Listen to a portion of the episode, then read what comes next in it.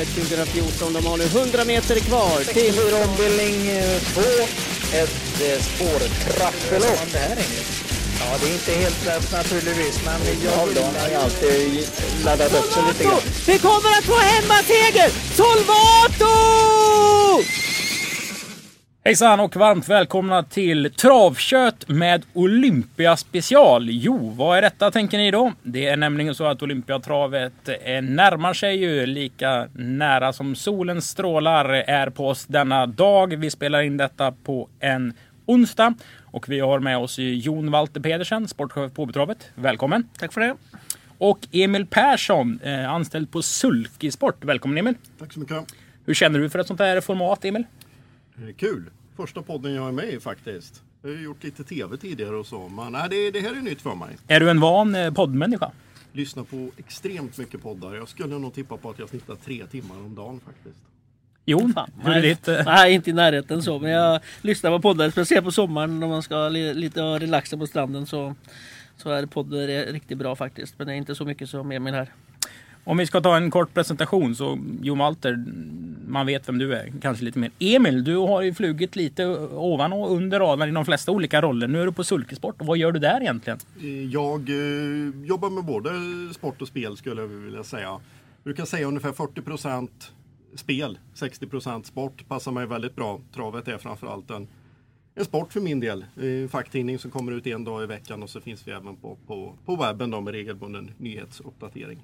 Och min uppfattning av ditt arbete är lite att du ska ha koll på det som händer utanför Harry Boy-segmentet. Du sitter inte och skriver så mycket referat från en V64 på Bollnäs utan det är mer något anrikt storlopp i Österrike som du har fångat upp. Ja, nej, men det ligger mycket i det. Det är, det, det är lite annat än, än det här bara vanliga svenska om man säger så i, i vardagen. Det, är- det är bredare än så och eh, det får gärna vara lite unikt och sticka ut. Olympiatravet är ju ett eh, väldigt stort lopp för oss på Åby och eh, Jon, om vi liksom börjar med en, en bakgrund. När är det du börjar tänka Olympiatrav? Ja, eh, om man säger det egentligen så börjar väl nästan det med det som var fjol, fjolåret egentligen. När, precis när det gått i mål så undrar man, gjorde man rätt, gjorde man fel? Titta på lite grann på loppet och det är allting runt arrangemanget såklart för våran del. Eh, så det börjar ju egentligen som en eh, feedback på det, det loppet vi redan har kört. Redan där började det lite grann.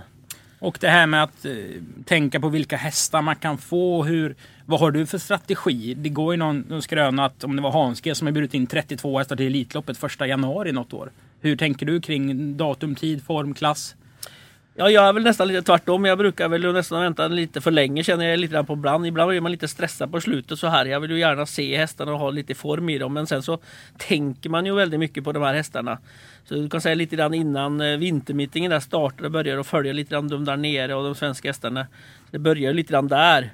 Ehm, men som sagt, jag brukar ju vänta och bjuda in. Jag brukar inte bjuda in jättetidigt i alla fall. Emil, du följer travet eh, internationellt. Hur, hur står sig den svenska storloppscirkusen eh, internationellt och till exempel Olympiatravet? Hur välkänt är det som varumärke i Europa? Mycket välkänt skulle jag vilja säga. Det kanske rent av är som så att de svenska storloppen står sig lite för bra om man ska vara, vara krass faktiskt. Det är tufft att komma hit och tävla mot de svenska hästarna och de svenska kuskarna som vi ser stå sig otroligt bra internationellt både i Frankrike och USA och så vidare också. Så att det är tufft att komma hit och tävla. Eh, Jon, Olympiatravet är ett viktigt lopp men även en väldigt viktig dag för oss. Hur mycket betyder Olympiatravet och hela dagen för Åby? Det betyder ju oerhört mycket. Det är ju egentligen vår största dag. Det är vår största dag publikmässigt. Eh, och som arrangör, eller arrangörsmässigt också. Så att det är faktiskt eh, det största vi har på Åby under året. Hur tycker, du ser ut, hur tycker du ser ut nu då? Om vi är den här, den här dagen, onsdag den 11 april. Vi har ett försök på Jägersro som väntar. Vi har sett några uttagningslopp. Vi har Lionel klar, vi har Take Them klar. Eh, hur är magkänslan för dig?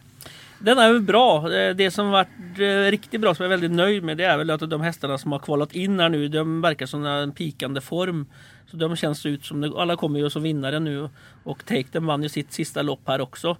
Samtidigt har jag varit lite besviken också på det här franska. Vi har jobbat väldigt hårt med att få hit de här franska hästarna. Men jag har tittat på det. Det, det har aldrig varit, de sista åren har inte varit lätt att få hit de här franska andra tränarna. Det har varit liksom Fabrice Solois som, som är i utvisningsbåset nu som, eh, som har bidragit mycket runt i Norden överhuvudtaget med hästar. Så det har inte kommit så för många andra franska händer då. Men vi har jobbat med våra lista mm, på de här franska och nu är vi en bra bit ner på listan och vi har fått fortfarande många nej. Fast vi väntar några svar då. Vi behöver något eh, exotiskt inslag, det brukar man vilja ha. Och just när vi nämner Fabrice Solois, är det du som bestämmer att vi inte bjuder in hans hästar eller bjuder in vilken häst du vill? Eller hur går samrådet med SD? Eh, är de med i matchen kring det här?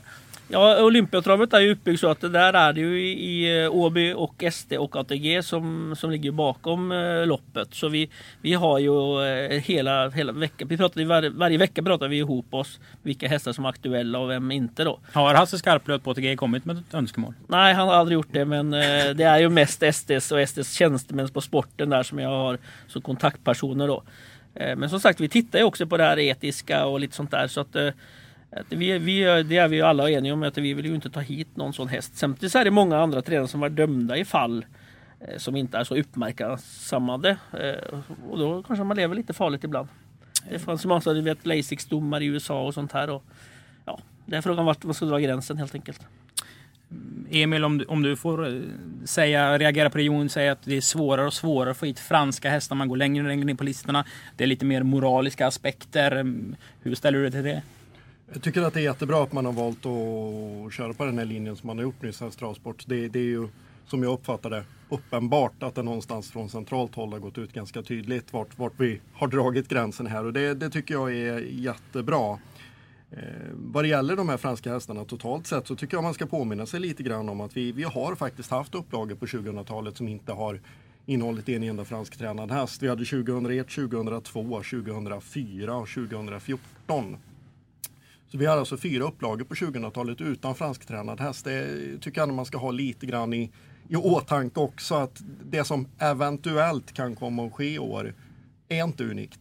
Ehm, då kommer vi in på det klassiska flagghästar. Det är ju eh, framförallt kanske Elitloppet man bjuder in hästar från Australien, ger en exotisk krydda. Vi hade den här hästen från Argentina som hade vandrat på steppen ungefär för några år sedan. Det ger en grej. Jon, hur viktigt är det att det blir ett internationellt lopp eller ska man se till den sportsliga kvaliteten eller hur väger du de här argumenten mot varandra? Eh, Olympiatravet tycker jag väldigt mycket på den sportsliga kvaliteten. Det, det, det tycker jag, liksom, jag, jag vill ju värdesätta de här hästarna som är bra och de som går bra för dagen. Och, och är de svenska hästarna bättre så värdesätter jag det lite högre. Men samtidigt så är det väldigt viktigt i alla fall här i Norden mot Danmark och Norge och Finland också att vi, vi vill ju dra dit publik också. Och inte ha något inslag bara för att de kanske inte är helt eh, så bra som man kanske vill ha det så vill man ändå ha med dem för att eh, de, de, de ger ju mycket krydda runt arrangemanget då. Och det är viktigt att ha med dem. Hur känner du på kittlingen Emil om du ser ett svenskt tränat fält eller om du har fem olika flaggor med, med tränare man aldrig har sett i ett par skor? Det gör ju skillnad. Det vore lugnt att säga något annat. Eh, definitivt. Samtidigt så måste de ju då komma med någonting som eh, tyder på att de faktiskt skulle kunna tänkas leverera i loppet. Alltså bara ta hit hästar för att, för att någonstans kunna få hissa flaggor. Nej, det, det kan man stå över. Det, det tycker jag verkligen. Men eh, jag tycker ju likväl att man ska sträva efter att få en viss bredd eh, nationalitetsmässigt. För, för det ger en extra krydda och blir inte sällan kört på ett annat sätt också om vi får de utländska kuskarna även till att komma hit och köra. Men om vi ska sammanfatta Jon, det är inget krav på dig att du måste bjuda in utländska hästar till Olympiatravet? Nej, nej, jag har ju fem wildcard. Jag kan bjuda in fem svenska hästar. Men man provar ju alltid att se till att det är två, tre i alla fall av de, de fem som är eh, utländska hästar då. Sen vill man premiera de här svenska hästarna som är med i uttagningsloppen och verkligen vill vara med i loppet. Så att eh, skulle det vara så att du har tvåa, trea och startat några gånger i uttagningslopp och gått bra så vill jag kanske ha med en sån, premiera den. Ja, och Emils roll som lite expert på eh, kan vi säga, Italien, Tyskland, Holland, Frankrike, Belgien, Österrike kanske då. Eh, där kanske inte vi hittar så många grupp 1-vinnare, men du har en lista med dig på, på riktigt vettiga eh, hästar, om man säger så, som skulle kunna duga till Olympiatrav, som kanske inte gemene man som har hygglig koll på fransk travsport vet om. Vill du börja? Det, det, kan jag göra. Jag eh, har skrivit upp ett antal hästar och vi, vi kan väl i princip börja med att stryka hingstarna direkt det har vi ju märkt att det är, det är väldigt tufft att få hit dem med tanke på avelssäsongen och så vidare. Utan det är vallacker eller ston som, som gäller då. Eh, om jag ska göra en lista någonstans på någon form av drömhäst då utav av det som skulle kunna tänkas dyka upp på Åby. Så sätter jag en häst som heter Draft Life etta. Det är en häst som var tvåa i världens största montelopp, Prix de Cornelier här i vintras, men var även tvåa i sulkeloppet Criterium Continental på 1.10,8. Ett femårigt sto, börjar närma sig en miljon euro faktiskt intjänade prispengar, tränas utav Louis Badron, brukar köras utav Erik Raffena eller ridas då när hon går i, i monté. En häftig häst som går i alla discipliner och som jag tycker är så snabb i benen så jag tror att hon skulle funka bra på 1000 meters bana. Draft Life Jon, är det någon nykomling för dig eller har du koll på den? Jag har haft koll på den eh, länge. Som Emil säger, det är ju en riktigt bra häst. Hon har ju bara fem år också. Eh, som sagt, hon var inte högst på listan. Jag, jag, liksom, för min del var det ju Bold Igelberg, Parker och det är så här. Belina Josselin då, som, som låg högst på listan. Sen så kom ju hon ihop med Abrione Gers och de här låg under då. Så att eh, vi hade faktiskt kontakt med, med tränarbadron där i morse faktiskt. Och eh, han kunde meddela att eh, vi, vi, vi, säga, vi har gjort en invitation men ingen offentlig invitation. Vi, vi ville bara kolla läget, hur det ser det ut men i princip så har han fått en invitation. Eh, känner att han vill komma så får han komma. Eh, och gärna göra det. Men eh, det, han har väldigt stort bra schema i, i eh, Frankrike. Och den eventuellt så kommer den att starta nu här nu på fredag. Och vi får se lite grann efter det. Det var inte ett riktigt nej var det inte. Men, men jag, jag har känt det som det är väldigt svårt känner jag. När inte säger uppenbart ja i alla fall från början. Men det är en jäkla fin häst som ska vara jäkla kul och det är liksom den som ligger högst på listan hos oss nu. Om vi fortsätter på din, din lista Emil, vad, vad har vi att gå på då? Jag har väl ytterligare ett femårigt sto då, som jag tycker är lite småspännande som heter Darling de Rio som um, vann fyraåringskriteriet i Frankrike i fjol då i träning hos Sebastian Geratot. Gjorde nyligen debut hos Laurent Claude Abrivard vann direkt då den 11 februari. Har inte varit ute på banan och startat sedan dess. Så att det är ju lite frågan hur det står till med den damen för dagen. Det är en sån där här som skulle vara småspännande. Delia de Pomero ett annat femårigt sto också. Men det är, det är som Jon säger att de har bra schema i Frankrike de här hästarna där de kan köra omlopp, alltså med en samlad prissumma på i regel 120 000 euro, 54 000 euro i första pris. Så att det, det är bra pengar hemma vid och um, tävla om också. Är det någonting du tycker Jon att kanske UT eller ST och franska motsvarigheten borde kunna eh, prata ihop sig lite mer om att man kanske tunnar av lite på den, den franska potten pengar som finns för att, att rikta de nordiska storloppen för att stärka travets position i Europa. För man hör ju många som har gått på Åby länge som liksom de riktiga minnena man har så är det ju ofta internationella hästar som har kommit och fyllt och det, det liksom har varit en annan ras. Man kan gå kort i minnet att Bold Eagles Elitloppsförsök gjorde ju Elitloppshelgen oförglömlig för väldigt, väldigt många som kanske inte är jättetravintresserade. Nej. Nej, jag håller med där och det är lite grann det vi provar nu att skapa runt Åby Stora Pris då, som ligger på ett bättre ställe i kalendern. Eh, för som Emil säger också, de här franska hästarna med avel, det är ju liksom omöjligt att komma. Hade jag kunnat erbjuda ett flyg så hade jag ju haft väldigt mycket andra erbjudanden. Då hade jag säkert fått någon av de här bra hästarna. Men jag har ju inte flyg idag. Så att det, det är ju det. Och frågan om man ska...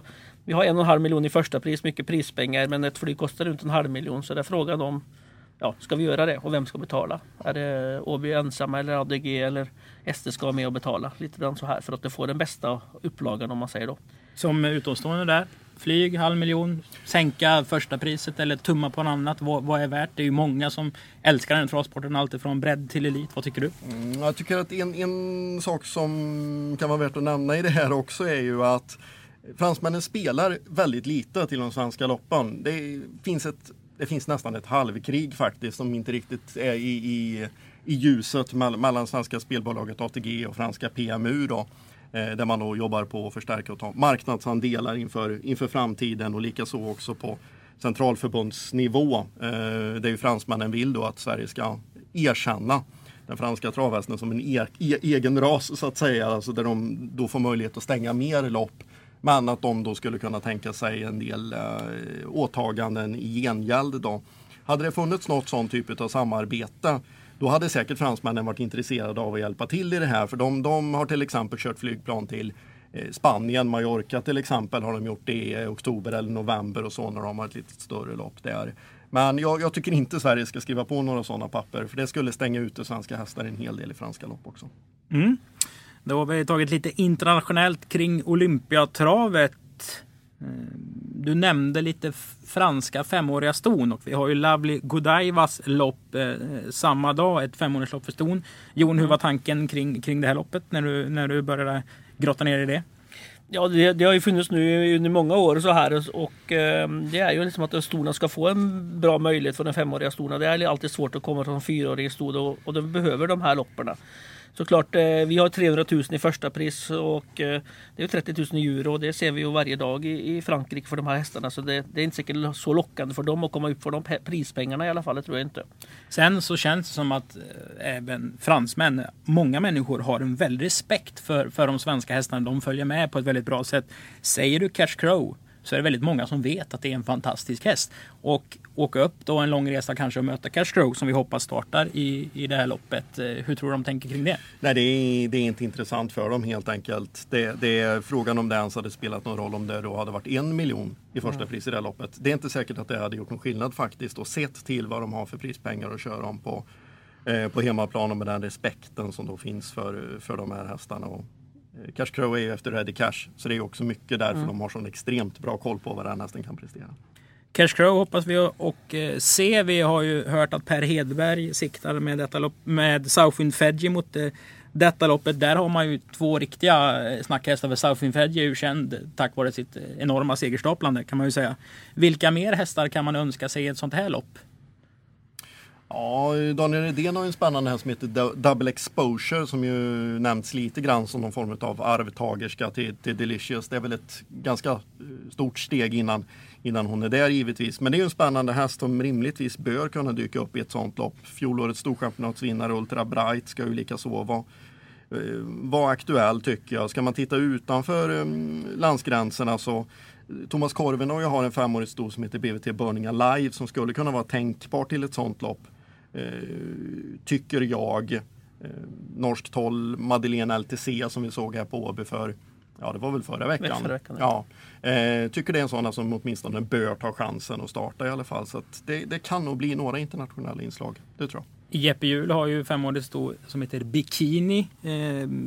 Gör man inbjudningar till de här ramloppen mindre? Hur mycket jobbar man liksom med en internationell prägel över hela tävlingsdagen? Eh, en, sån, en sån här tävlingsdag helt enkelt. Ja, vi provar ju såklart att skapa internationell tävlingsdag, absolut runt det. Och, eh, det är inte så att vi bjuder in eller sånt där men vi i alla fall är på tränarna och påminner att det finns ju lopp lite grann. För ibland så är det ju eh, sådana lopp som vi kanske har nystartat eller ligger på annan plats som vi vill informera att här finns det här loppet för er. Och ibland så är inte tränarna så himla bra pålästa i alla fall i de här frågorna så att det gäller att informera dem bra. Jag har fått lite information att Unar Bi Eh, en holländsk häst kan vara eh, spekulant på detta loppet. Någonting som har kommit inom för dina ramar Emil? Eh, faktiskt inte. Har viss koll på hästen. Var tvåa på Vinsanne för inte allt för länge sedan faktiskt. Det är väl Jeroen Engverda som tränar om jag inte missminner mig. En vettig häst som skulle vara ett kul inslag i loppet, absolut. Men ja, det är nog ingen som besegrar Cash Crow. Vem tror du vinner Olympiatravet? Ja, spännande att se nu hur Lionel ser ut nästa tisdag här. Men jag eh, take them. Tycker jag känns jättespännande. Det, det, måste jag säga. Kul att han har fått en inbjudan och att han har tackat ja Stenjur. Mm. Folk eh, lyssnar på dig Jon. Du säger att ibland är du lite stressad. Du vill ha det klart med lite tidigare, senare. Mm. När kommer du liksom stänga atlasen över södra Europa? Eh, som jag har, som sagt, jag har ju några, några hästar till vi hoppas på där nere. Och det är ett lopp i Turin på söndag. Som det är några aktuella hästar som kan starta och eh, jag stänger i alla fall inte det för efter det loppet. Så att vi får väl, eh, men sen börjar det ju bli riktigt eh, riktigt eh, kort om tid om man säger. Så kan du säga efter nästa helg måste vi ha något klart. Ja, och då har vi gått igenom lördagen på Olympiatravet. Och för att friska upp Olympiatravsminnena lite så ska vi nu köra en tävling.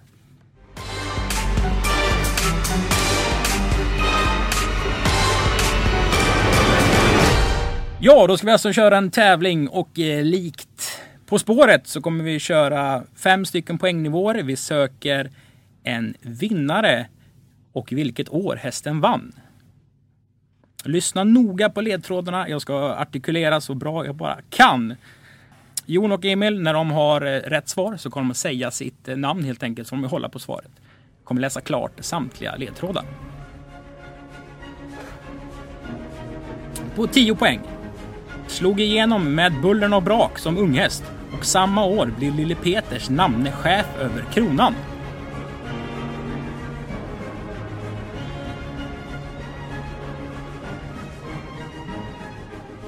Slog igenom med Bullen och brak som unghäst och samma år blir Lille Peters namne chef över kronan. 8 poäng. Kunde ej ta emot faxformuläret i försöket och genrepet på Munkbanan gav ingen bra eftersmak. Men har man en viking i blodet så är man alltid redo för nästa strid. Emil drar på 8 poäng. Vi fortsätter med Jon. Emil skriver nu ner sitt svar så att han inte kan ändra sig. 6 poäng. Åtta dagar efter jag varit kung på Åby så fyllde kung Karl den 16 Gustav 60 år. Sju år senare deltog min son i samma lopp som jag vann. Som en av tre ur den gröna armadan. En annan grönvit kusk drog dock längsta strået.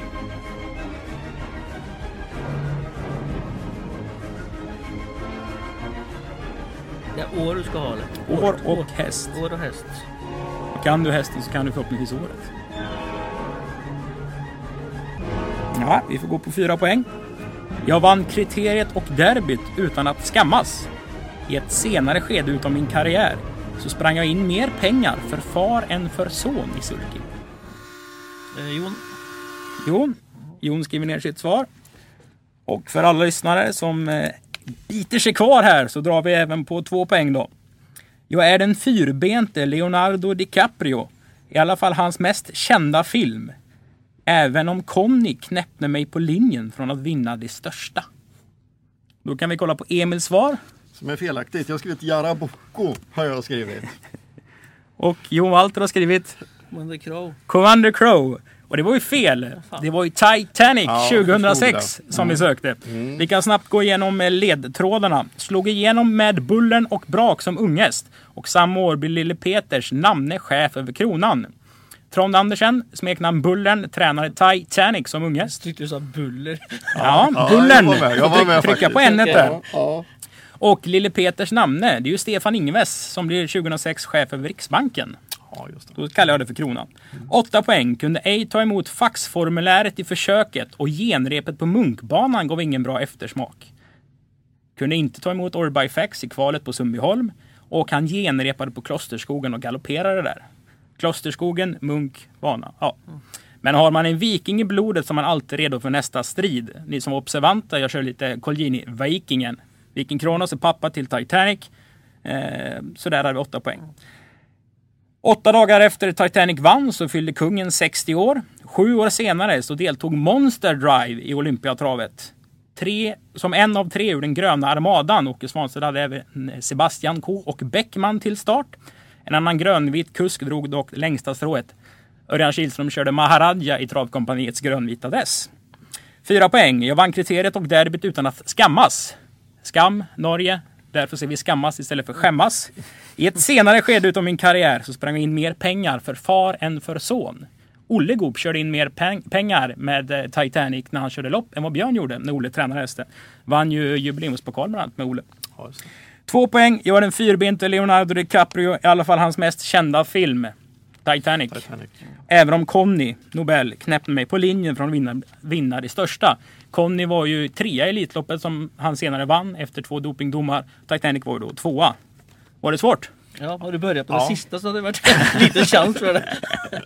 Ja, det Om det var var, 10 poäng så hade det gått bra. ja, det var lurigt. Det var Ja, lurigt. Ja, Absolut. ingen eh, Nej. fullpottare Nej. här i studion alltså. Jag hoppas att ni lyssnare kanske tog den lite tidigare. Jag var extra nöjd över ledtråden skammas. Ja, mycket bra. Ja. Jag är imponerad. Jag är imponerad.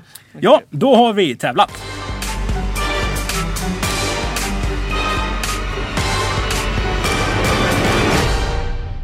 Det är ju inte bara Olympiatravet som eh, drar eh, till sig stora blickar den sista helgen i april. Utan vi kör ju även kval till eh, konung Gustav Vs pokal och drottning Silvias pokal i, i folkmun kallad pokalloppskvalen. Jon, vad har du för bild av den här tävlingsdagen? Ja, den har jag haft bild sedan jättelänge tillbaks och eh, det är ju, jag tyckte ju alltid förr innan de hade det här jobbet och man jobbade som tränare, så det här var ju häftigaste dagen på hela året faktiskt. Eh, få se de här hästarna komma ut och mötas för första gången och se hur vem som har övervintrat och så här. Så att, äh, det är alltid en häftig känsla den här kvällen. Så att jag hoppas det blir det i år också. Och det är ju Många har ju haft lite snack om den de öppnar upp för utländska men jag tyckte det blev en väldig krydda där när vi fick in de här utländska Scarlet Knight och de här eh, årgångarna. Så det, det är eh, ett häftigt lopp alltså. Det, det, är en av de bästa på året. Absolut. Ett klassiskt lopp kan man nästan säga. Det här med open stretch har diskuterats. Vi har dubbel open stretch på Åby. Ska man ta bort det i en final för, man, för det man kan vinna på det och det är orättvist hit och dit. Vad tycker du? Nej, jag tycker inte det. Jag tycker faktiskt, och så tycker jag faktiskt den bästa hästen brukar oftast vinna de här loppen i alla fall. Så att, eh, det är klart, något år kan, har det ju varit så också att de har bruksnikspåret som några kallar det. Men, men eh, det är ju en, en, en sak i gamet också. Jag menar då skulle man inte kunna köra eh, orättvist och köra åtta bakom bilen på en 800 meters bana och uppförsbackar. Och, det är så mycket som man kan tycka. Så jag, Åby-loppet går här så jag tycker att det ska vara som det är. Emil, om du får eh, samma frågor. Vad betyder pokalloppen för dig och det här med open stretch i sådana här lopp? Um, vi börjar med open stretch så har jag tidigare varit väldigt stark motståndare till, till open stretch totalt sett. Men jag har nog fått ändra mig lite grann faktiskt och lider ingenting utav det i just i det här aktuella loppet. Det, det kan jag inte påstå. Eh, I relationen till, till pokalloppen, ja, det man minns mest är väl faktiskt det med, med eh, um, Scarlet Knight när Gigant Neo besegrade honom där eh, det året. Så att eh, eh, minne man kommer att bära med sig. Det var väldigt, väldigt tyst efter målgång. Eh, kommer jag ihåg i, i det loppet. Så att, nej, men det ser man ju fram emot det. Det verkar ju som att det kan dyka upp en, en Hambletonian-vinnare även i år. Absolut. Perfect Spirit eh, gör ju första starten för Daniel Redén nästa tisdag. Om inte jag såg eh, fel på Solvalla. Vi har ju dessutom haft en, eh, en kull som kulminerar i ett, ett, ett kriterium som är sjukt. Kan jag tycka. Ja, absolut. Ehm, samtidigt som det väl känns som att det är lite så här vi har pratat de senaste åren här nu. Vi, vi har haft väldigt många starka årgångar tycker jag och sett prestationer som, som um, man knappt trott varit utav denna värld. Så att, nej, de, de kommer ju dyka upp de här hästarna igen här nu och uh, få möta de här amerikanska uh, fyraåringarna i mångt och mycket här nu också. Jon som, som gammal travtränare också, kan man springa på alla stora lopp eller om man har ett ämne, ett löfte, eh, hur mycket måste man hålla igen tror du i, i dagens trav 2018 med snabba banor, snabba vagnar, snabba kuskar? Eh, hur ser du på det? Nej, jag tror de, du kan nog vara med mycket men det går nog inte att starta så himla mycket mellan loppen i vanliga lopp. Så att eh, går man bara på årgångsloppen och så här så, och matchar för dem, det har jag ju sett eh, många gånger att det funkar ju. Så att, eh, men att du ska starta massa lopp emellan eh, och gå, det, då tror jag inte det räcker hela året. Eh, man ser lite grann, det blir lite mer som eh, där i USA också. Man kör liksom när kvalloppen är lite preparerade innan så kommer de ju då när de verkligen gäller. Timo Nurmos har blivit en expert på det där. Att eh, några starter, det var ju nästan så vill jag inte gå med i försöket där i och med att han inte har gjort så många starter. Med sidningsregler och så här. Så att, eh, nej, jag tror att de klarar av det men eh, som sagt det är tufft. Självklart är det det. Emil, du har kollat vilka hästar som kvarstår efter den fjärde insatsen. Det är ju fyra insatser till det här loppet. Man börjar som tvååring. Eh, du nämnde Perfect Spirit. Vi har ju även Enterprise anmäld som har tre Ambletonian. Vilken häst kittlar dig mest att se? Ja, det är kanske är tråkigt att svara de två, men jag, jag landar ändå på de två i nuläget i och med att de ju fortsatt känns liksom helt osynade på svensk mark. Enterprise startar ju ikväll då, onsdag kväll på, på Bergsåker. Eh, satt ju fast i Sverigedebuten och såg ju väldigt fin ut då tycker jag. Så att de, de två tycker jag känns eh, väldigt intressanta. Sen pratar Johan Untersteiner väldigt gott om, om, om, sin kompis som han säger, Eye of a Tiger som ju vann debuten i Halmstad. Det sa väl inte så jättemycket den gången. Men det märks att han tycker om hästen och ja, det här med open stretch tror jag inte kommer tala emot den hästen om jag säger så. Skulle han få ryggledaren på i en eventuell final där så kan det nog bli åka av. Vi har ju samma attityd på det här loppet att vi vill ha utländska tränare, vi vill ha färgstarka inslag. Det blir ju tyvärr mindre och mindre Jon, att de, de bästa hästarna som är med i de här loppen är ofta svensktränare. Mm. Hur viktigt är det att vi får en internationell spridning i ett sånt här lopp eller säger det sig självt när det är de eh, hästarna som är anmälda som är anmälda? Ja, det gör det tycker jag. Och man ser lite på de som betalar in insatserna så är ju Norge brukar inte ha så många som går in i loppet. De är lite rädda redan mot den svenska kullen redan innan. Eh, sen är det ju finnarna har ju en hel del. Sen så kommer ju några eh, spretiga anmälningar då. Men amerikanska hästar de brukade vara med på noterna från början. De är vana med det här med stakes-inbetalningar långt i förväg och så här. Så att de, de är med många av dem. Så att, eh, men självklart eh, huvudsak svenska hästar är det ju. Emil, du hade pratat med Paul Hågort, en av Hollands bästa tränare. Han nämnde väl någonting att varför ska åka så långt och möta de här hästarna kan köra om samma pengar i Frankrike. Är det kanske lite för bra hästar om man säger så? Alltså det, det är ju lite grann det läget vi hamnar i. Um, han kan åka och starta på Angern eller Vincennes med, med eh, tyskfödda eller nederländska hästar då i lopp med kanske 300-400 000 kronor och det är klart att ja, då behöver man vara bra långt fram i en kungapokalsfinal för att kunna, kunna räkna hem um, de pengarna då. Uh, Så att den trenden har vi ju, har vi ju sett lite grann. Det, det ska vi ha i, eh, i åtanke. Samtidigt, många andra länder satsar också väldigt hårt på sina inhemska prispengar just nu. Titta Norge till exempel, de har ju följt efter premiechansen här i Sverige och dubblat upp sina prispengar, eller chans på, på dubblering av sina prispengar i kriterier och derby. Och det är klart att då, då blir det oerhört viktigt för dem att gå för just de loppen istället för att liksom ha en hygglig eh, formpeak här i april. Så att ja, det är inte bara vad vi gör här i Sverige som påverkar helheten. Nej.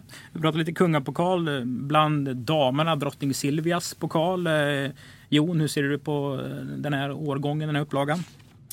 Ja det är ju jätteintressant absolut. Nu har jag inte riktigt koll på alla som är anmälda heller nu så här men det ser väldigt fint ut på förhand i alla fall så att ja det ska bli kul att se vem som kommer ut. Det har varit så här för både för kungapokalen och drottningens pokal det har ju ökat försöken varje år. Så intresset har ju ökat varje år så att eh, förr hade vi tre, fyra kval men nu är vi uppe i fyra, fem kval i alla fall så att det, intresset är ju stort. Vilket sto är du mest spänd på som man kan få se i listorna om, om några veckor, Emil? Oj, eh, tog du mig lite grann på sängen faktiskt. Eller i Hannover har Johan Untersteiner också en häst som heter, den var tvåa i Sverigedebuten. Den tycker jag han låter väldigt nöjd med också får jag lov att säga. Så att Current Affair avslutade fantastiskt bra i eh, första testet till Storchampionatet under gårdagen. Eh, har jag inte tittat om den står med här i listorna men jag har svårt att tänka mig något annat. Han, han beror om. det gör den ju. Malmqvist brukar göra bra anmält. Ja, den kan nog få en fin vår. Mm. Spännande kval att se fram emot den 27 april. Alltså det är ju en riktigt trevlig helg. Fredag, lördag vi har här att se fram emot.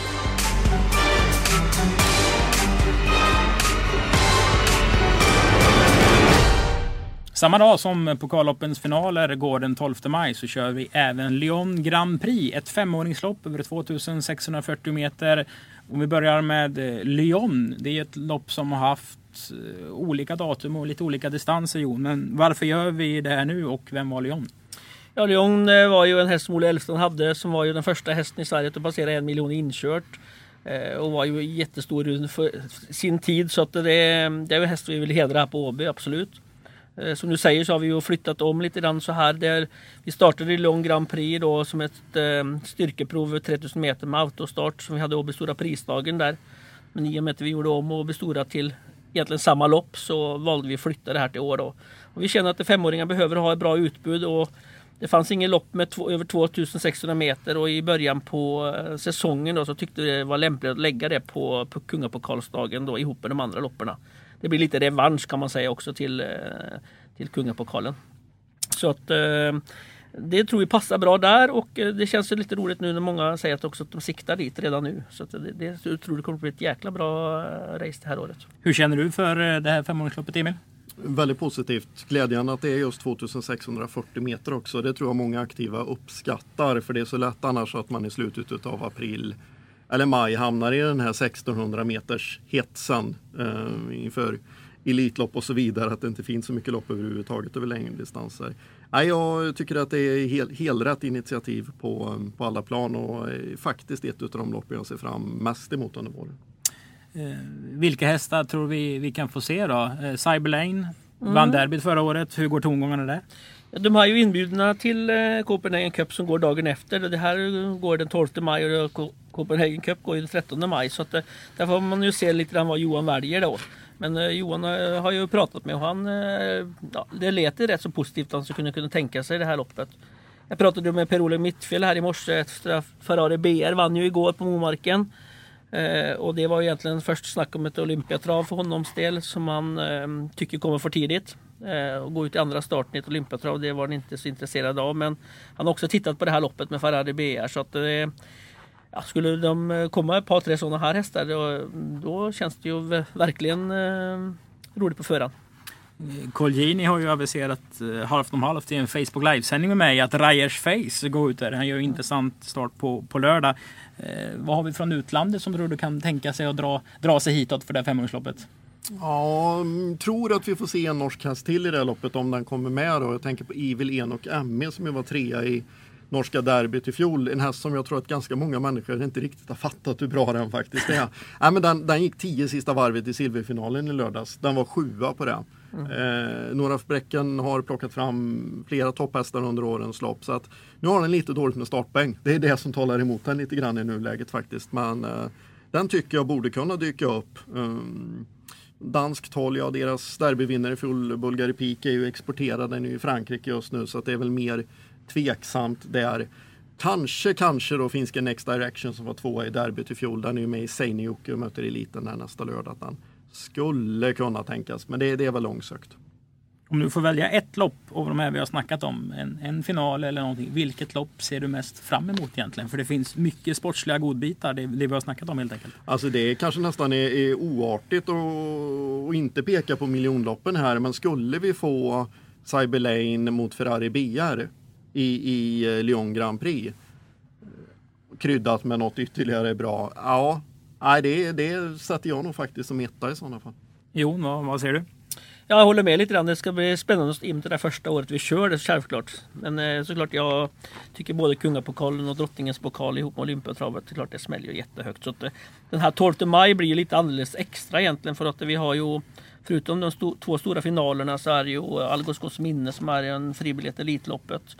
Eh, sen har vi också British Course-finalen där med 400 000 i första. Så att det är ju många penningstinna lopp den dagen. Så att det, sportligt sett så ja, det är en av de bättre dagarna vi kör. Och till British Course har vi ju försöket den 27, alltså på fredagskvällen innan Olympiatravet. Så att då kan man få eh, kanske lite ny, ny bekantskap med lite utländska hästar redan där.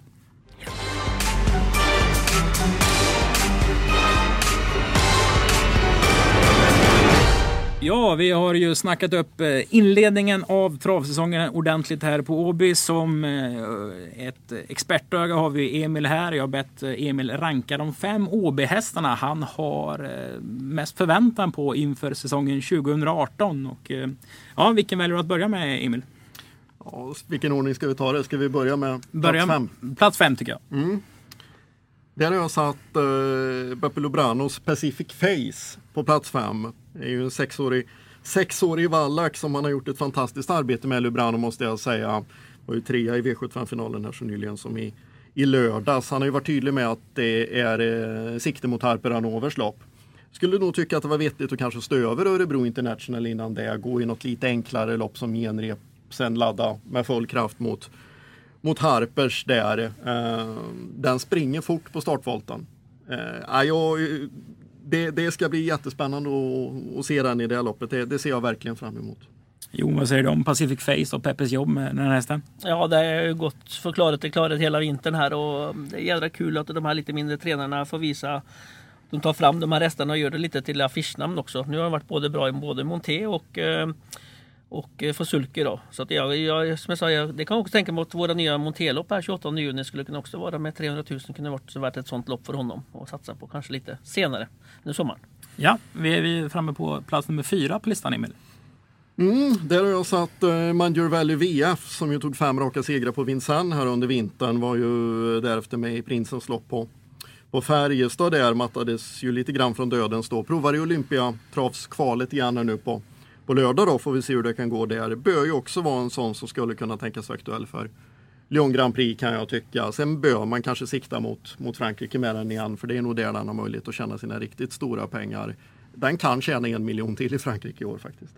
Jo, vad säger du om Manju Value VFs fem raka på Vincennes? Ja, det var ju helt otroligt alltså. Och på vilket sätt han gjorde det på varje gång. Det var ju inte några lätta lopp han fick så att det, det var helt otroligt. Jag vet att det, eh, Robert har ju sagt också att det här ju där som Emil säger att han passar kanske bäst där nere. För han har lite egen speciell häst ändå.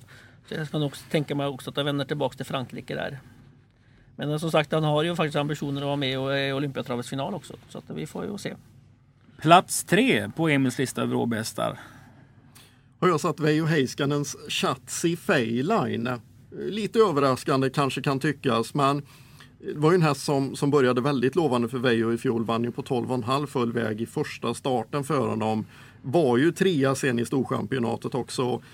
Kanske att året rent av hade kunnat bli, bli ännu bättre. Det, det studsade inte alltid hennes väg. Stark som femma i comebacken. Kommer gå bra i de längre loppen i år. Skulle absolut kunna vara den som kan vinna stor-SM i höst påstår jag. Och den matchas för Lovely Godievas lopp eh, enligt Heiskanen i alla fall. Plats nummer två och här har vi en som inte har varit med på länge säger jag. Nej, det är ett långskott. Jag har ingen aning om hur det är med hästen överhuvudtaget. Just för dagen. Jag har inte sett den sedan söndagen den 20 juli i fjol. Eh, det är Robert Bergs nyförvärv Tesio, italienskfödd. Eh, Christian Huselius, eh, tidigare hockeyspelare, äger, har bara 400 000 på kontot. Nio segrar på 19 starter, började med sju på de första nio. Är ju efter Lavio, vi har ju sett arbete Robert Berg kan göra med de här Lavio-hästarna mellan varven. Eh, Kommer han rätt på den här hästen så bör det vara en klassklättrare. Eh, skulle absolut kunna vara en ny Nobel Amok. Nu är den efter Sola Bocco, men absolut en sån som skulle kunna springa in tre kvarts miljon i år om han kommer rätt på den. Oerhört hög kapacitet. Vad säger du om TC och Jon? Ja, jag var lite roligt att nämna den för jag hade ju min spåkula så skulle den vinna kungapokalen. Okej, okej. Men det var ju spåkulan såklart. Ja, det var det. ändå roligt att du tar upp den där som inte jag förväntar mig att du ska ha på den listan. Nej, nej. Så det... Och högst upp på listan över hästar Emil Persson har störst förväntan till inför 2018. Där hittar vi Marcel Hassel, Robert Berg, eh, fem år gammal. Eh, Jon eh, bjöd bjöd in den här till Åby Stora Pris i fjol och det gjorde den ju jättebra. Tog sig till vann ju ett av heaten där och gick i skiljehit mot Midnight Hour där sen. Det, kanske att det loppet satte lite sina spår möjligtvis för årsavslutningen var inte allra bästa men den var ju tvåa i Sprintmästaren i fjol, vann Norrlands Grand Prix bara två veckor efter det. Eh, känns absolut som en häst som Robert kommer göra ett jättebra jobb med i år också. Det, det finns så himla mycket lopp för den här äldre eliten och även då som femåring. Det, det kommer finnas så ruskigt bra startmöjligheter för den. Tjänar minst två miljoner i år säger jag. Minst? Ja, minst. Minst två miljoner i år. Marcel Hassel har ju du lite extra koppling till Jon då, din tidigare arbetsgivare och eh, vän Per Henriksen, mm. tränaren som unghäst. Eh, vad säger du om den här hästen? Ja, den har jag gillat från, eh, ja, sen jag började följa den lite grann i USA så den har jag gillat hela vägen.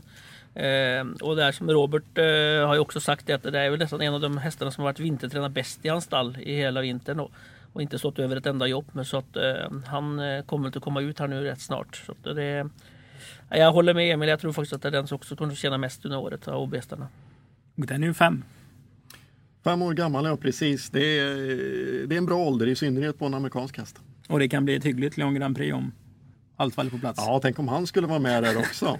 den, den står ju 2,6. Det känns ju inte som att den springer och pullar i onödan utan är väl rätt hyggligt reglerbar så. så att, nej, men det, det borde kunna funka. Och är det så att Massa Lassel årsdebuterar som de har sagt på Umeåker och då får möta Diamanten då finns det ju en, en, en spänning i det loppet kan man ju minst sagt säga. Ja, det vore lugnt att säga något annat.